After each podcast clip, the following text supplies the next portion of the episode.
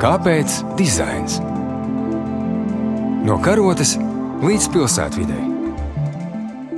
Labdien, darbie radioklausītāji! Ar dizainu mēs sastopamies katru dienu visdažādākajās dzīves jomās, un izglītība, protams, nav izņēmums. Dizaina principus un dizaina metodes mēs varam lietot gan mācību procesa veidošanā, gan dažādu palīgrīku izstrādē. Šodien mēs runāsim par to, kā dizains var palīdzēt bērniem un jauniešiem apgūt specifiski mūzikas instrumentu spēli un mūzikas teoriju. Ar jums kopā ir raidījums Kāpēc dizains un es Jelena Solovjova.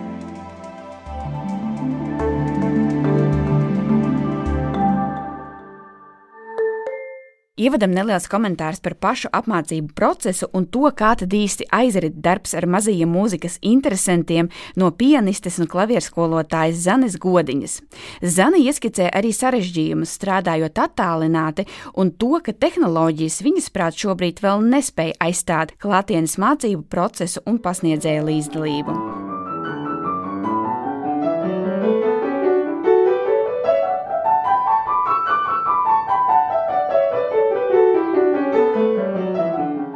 Zana, bet lūdzu, mums varētu izstāstīt, ar ko bērnam vispār ir jāsāk, ja mēs gribam viņam iemācīt klavieru spēli. Tad, kad bērns sāk apgūt klavieru spēli, tā pirmā stunda, kad viņš atnāk uz muzikas skolu un noteikti domā, nu, tik sāks spēlēt klavieres, tad tā pirmā stunda varbūt ir nedaudz savādāka nekā viņš iztēlojas, jo mēs līdz spēlēšanai varbūt nemaz netiekam. Jo sākumā iepazīstinam bērnu ar muzikas instrumentu, kā pareizi sēdēt pie muzikas instrumenta, kā roku nostādīt un Bieži vien līdz spēlēšanai mēs tiekam tikai otrajā vai trešajā stundā, kad jau sākam apgūt arī notis paralēli.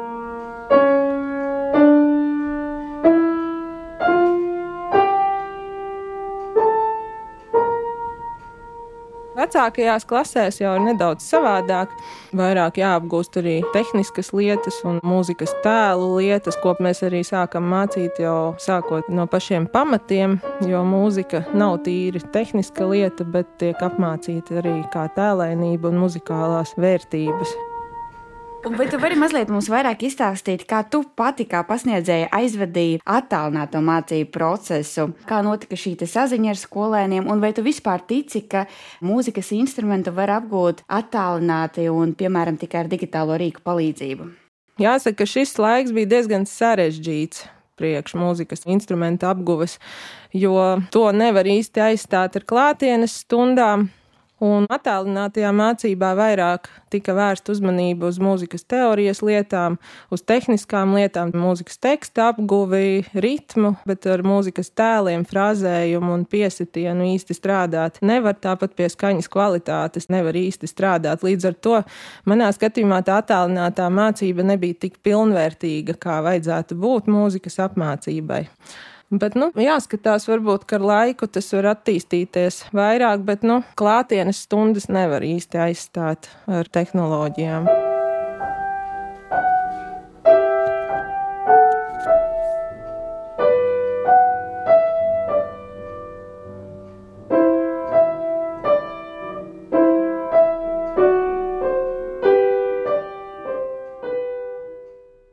Uz plašāku diskusiju par to, kā tehnoloģijas un dizains var palīdzēt bērniem un jauniešiem apgūt mūziku, esam šodien studijā aicinājuši mūzikas izglītības lietotnes Solfeģio dibinātāju un vadītāju Tomu Rusovu, Ņujorkas Latviešu skolas direktori un pasniedzēju Lieni Vidzi, kā arī skolnieku un Solfeģio aplikācijas lietotāju Marģeru Albertu Vidzi. Čau, es esmu Marģers. Labdien, mani sauc Liena.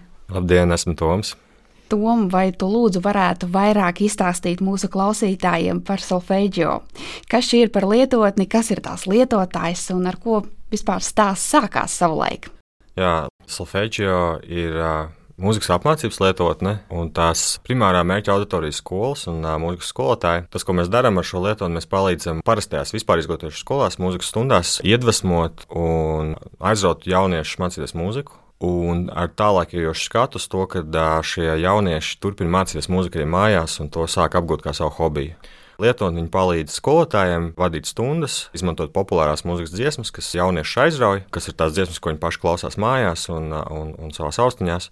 Un pa virsmu mums tam ir uzbūvēts mākslīgā intelektā, varētu teikt, robots, kurš savukārt palīdz skolotājiem skaidrot mūzikas teoriju, kā spēlēt dažādas mūzikas instrumentus Un, principā, ar tehnoloģiju un mūziku, kas jauniešiem patīk, mēs viņus arī iedvesmojam un aizraujam mācīties. Pievērsīsimies mūsu skolēnam Marģerim. Marģer, tu izmanto solfēģio. Vai tu vari izstāstīt, kas tev patīk šajā lietotnē un kas ir tas, kas mudina tevi izmantot? Man patīk, kad var citas dziesmas izvēlēties. Un citas salīdzinājumā ar savādāk dziesmu. Ja tu negribi vairāk to dziesmu, vienkārši uzspēlēt, tad izjārā. Mm -hmm. Tā kā tev pašam ir tā izvēles Jā. brīvība. Saki, Marģer, vai tu mācies arī mūzikas skolā? Vai tu apgūsti instrumentu? Jā. Un varbūt tev ir kaut kādas vēlmes, ko tu gribētu, lai solfeģio ir citādāk, kaut kas, kas tev ne līdz galam apmierina kā lietotāju. Lai būtu vairāk dziesmas. Tom dzirdējām, ja vēl vairāk dziesmas. Jā, mums ir uh, divi skaņu inženieri, kas katru dienu strādā pie tā, lai mums būtu jaunas dziesmas. Un uh, jaunieši sūta savus vēlmes, tā kā marģa noteikti būs. Runājot par jauniešu vēlmēm, saki tom, kā jūs apzinat savu lietotāju vajadzības, gan uh, jauno mūzikas entuziastu, gan arī pasniedzēju vajadzības? Kad mēs sākām šo projektu, mēs varētu teikt, prototipējām un daudz gājām uz skolām un fiziski klātienē piedalījāmies stundās un ar šo rīku varētu teikt, testējām dzīvē ar mūzikas skolotājiem stundās. Šobrīd tas vairāk ir šī atgrieztiskā saite, ko mēs redzam no skolotājiem un mūsu lietotājiem. Viņa vairāk ir digitāla. Mēs izmantojam tādu metodoloģiju kā agile un vācam atgrieztisko saiti. Vispirms tā ir iekšējā komandas atgrieztiskā saite par dizainu, kas ir radīts vai jaunu funkcionalitāti. Pēc tam palaižam testa versijā šauram skolotāju lokam, šauram lietotāju lokam, kur tad iedod atgrieztisko saiti par to, kā tā funkcionalitāte viņiem patīk vai dizains. Un, ja viņiem tas apmierina, tad mēs tālāk jau laižam plašākam lietotāju lokam. Savukārt, visi mūsu lietotāji to atgrieztisko saiti dod faktiski gan katru dienu. Mums ir tiešais komunikācijas kanāli, kur jebkurš lietotājs mums var rakstīt, jebkurā laikā. Mums ir divu cilvēku komandā, kur gandrīz katru dienu lielu savu laika daļu pavadu lasot šo atgriezko saiti. Tas tas, kā mēs to darām. Esat tādā nemitīgā attīstībā, izklausās, vai ne? Teiksim tā, mums ir bijusi pieredze rakstot projektus ar finansējumu. Tev ir kaut kāds fiksēts darba apjoms, kas jāizdara. Mēs šādu veidu projektus uzrakstīt nevaram. Jo mēs pēc divām nedēļām jau nevaram prognozēt, kā mainīsies tas, kas mums ir jādara. Un darba ritms ļoti dinamisks, tā argāriskā saite ļoti daudz maina to, kā mēs veidojam šo produktu.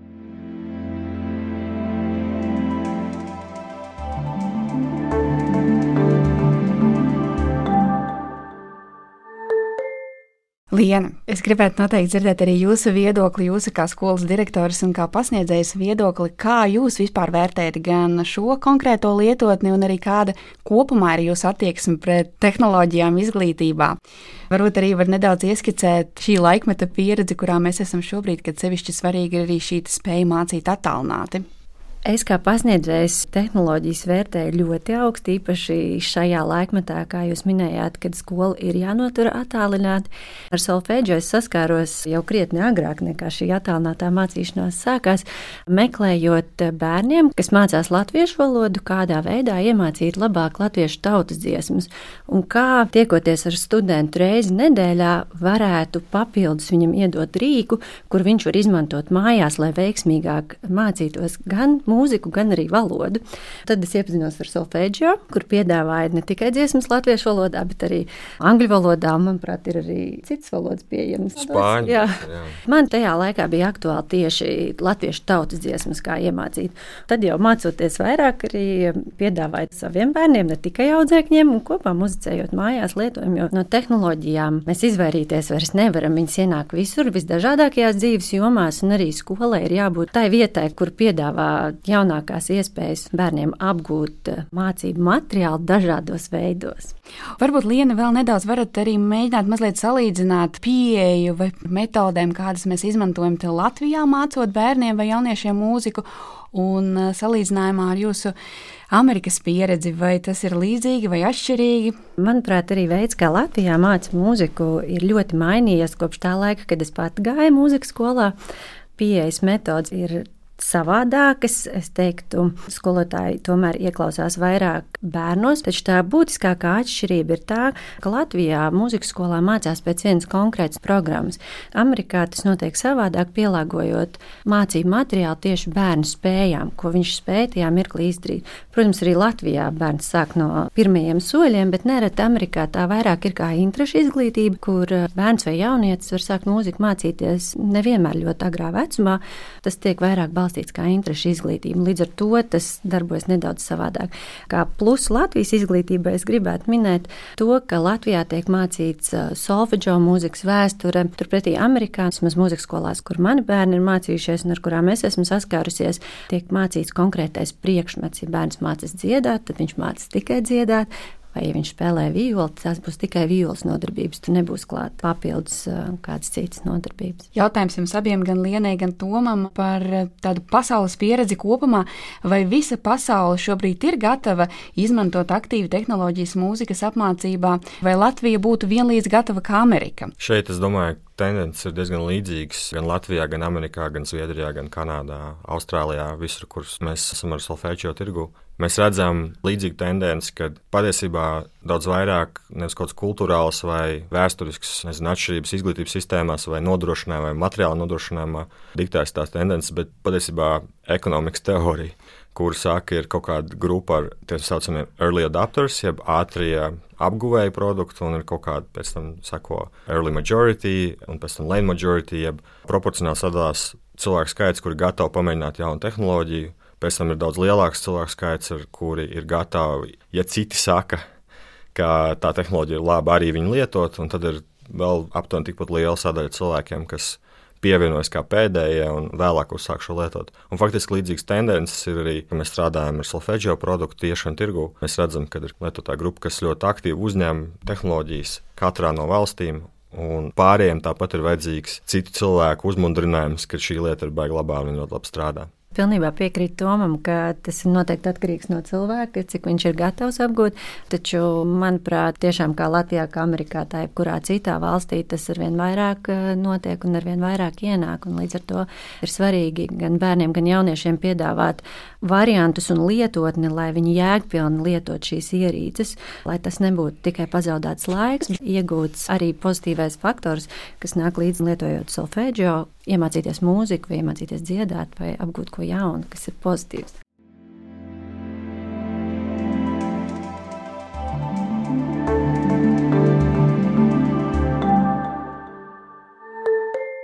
Un runājot par nākotni, kā jūs redzat, vai tehnoloģijas kādreiz varētu pilnībā aizstāt to, ka mēs šobrīd vēl joprojām dodamies uz mūzikas skolu un miedarbojamies ar mūsu skolotājiem? Varbūt nākotnē būs tikai tehnoloģijas, kā jums šķiet?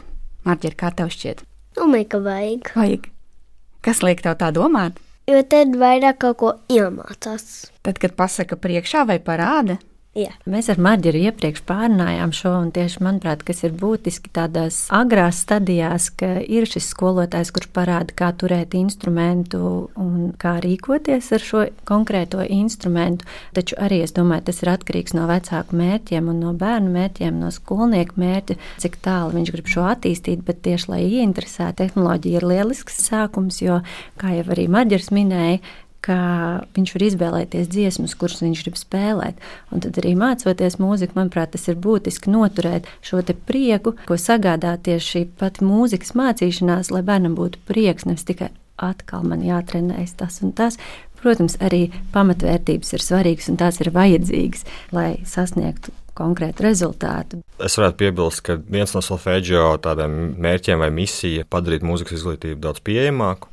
Un uh, varētu teikt, ka tāda tradicionālā skola, atšķirībā no privātās izglītības, kur skolotājs strādā viens pret viens, tā vietā tiek strādāts ar vairākiem bērniem vienlaicīgi, ir veids, kā padarīt izglītību daudz pieejamāku mūsdienu pasaulē. Un uh, arī solfēģio teiksim, tas, ko mēs redzam, veidojot šo produktu, mēs redzam, kā strādāt ar daudziem bērniem vienlaicīgi. Protams, kaut kādā veidā zūd šī kvalitāte un zūd iespējas katram pievērst individuālu uzmanību un katru bērnu mācīt viņam atbilstošā ātrumā un viņam atbilstošām interesēm. Un tas, ko dod tehnoloģija, tas pats mākslīgais intelekts, ko mēs esam izveidojuši, tas dod iespēju, ka produkts pielāgo apmācību tieši konkrētā bērna spējām, konkrētā bērna ātrumam, tā lai viņam joprojām būtu aizraujoši un viņš nedz nogurtu, nedz arī tiktu par maz suģistēts mācoties. Te pašā laikā viens aspekts, ko mēs redzam, ko nedz mākslīgais intelekts spēja kvalitīvi aizstāt, nedz populāra mūzika, ir motivācijas aspekts. Mēs runājam varbūt, par tādu ilgtermiņa motivāciju. Ja? Kādam ir no malas jāvar nu, stimulēt šo jaunieti.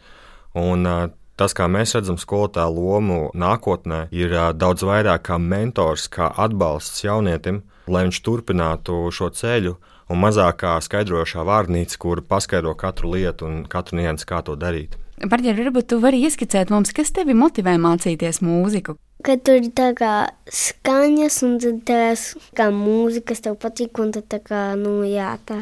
Varbūt ir kaut kas, ko jūs vēl gribat papildināt? Solfēģio, varētu teikt, šobrīd mēs esam tādā stadijā, kad mūsu produkts, varētu teikt, ir ļoti labi atzīts pasaulē skolu tirgu un skolotāju vidū. Bet, kā jau minēju, mūsu mērķis ir iedvesmot jauniešu mājās mācīties mūziku caur šīm skolām.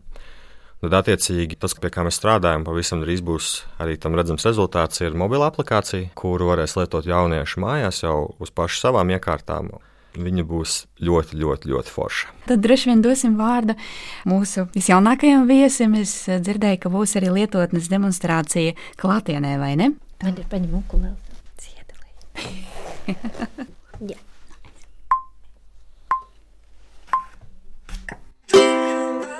In the quick I was wanna let loose. I'm dreaming, things my own life behind.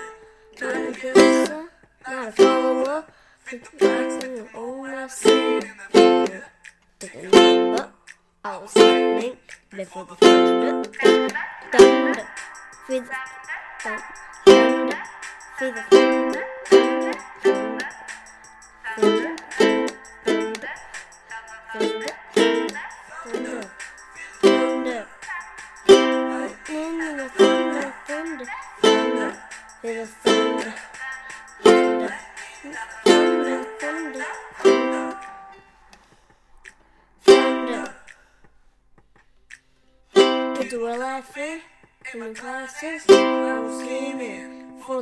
masses. Who do you think you are?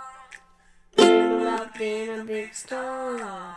Second basing, say it easy. Riding in the backseat. Was on you in the green bar. Clapping in the nosebleed. Thunder, thunder, thunder, thunder, thunder,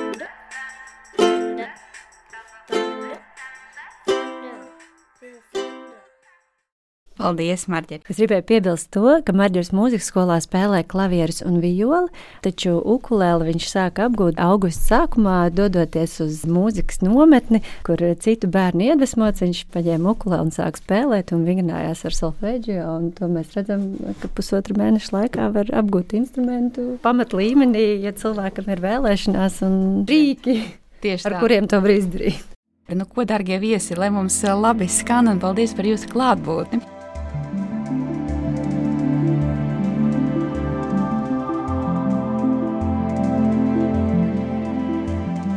Raidījums, kāpēc dizains ir izskanējis.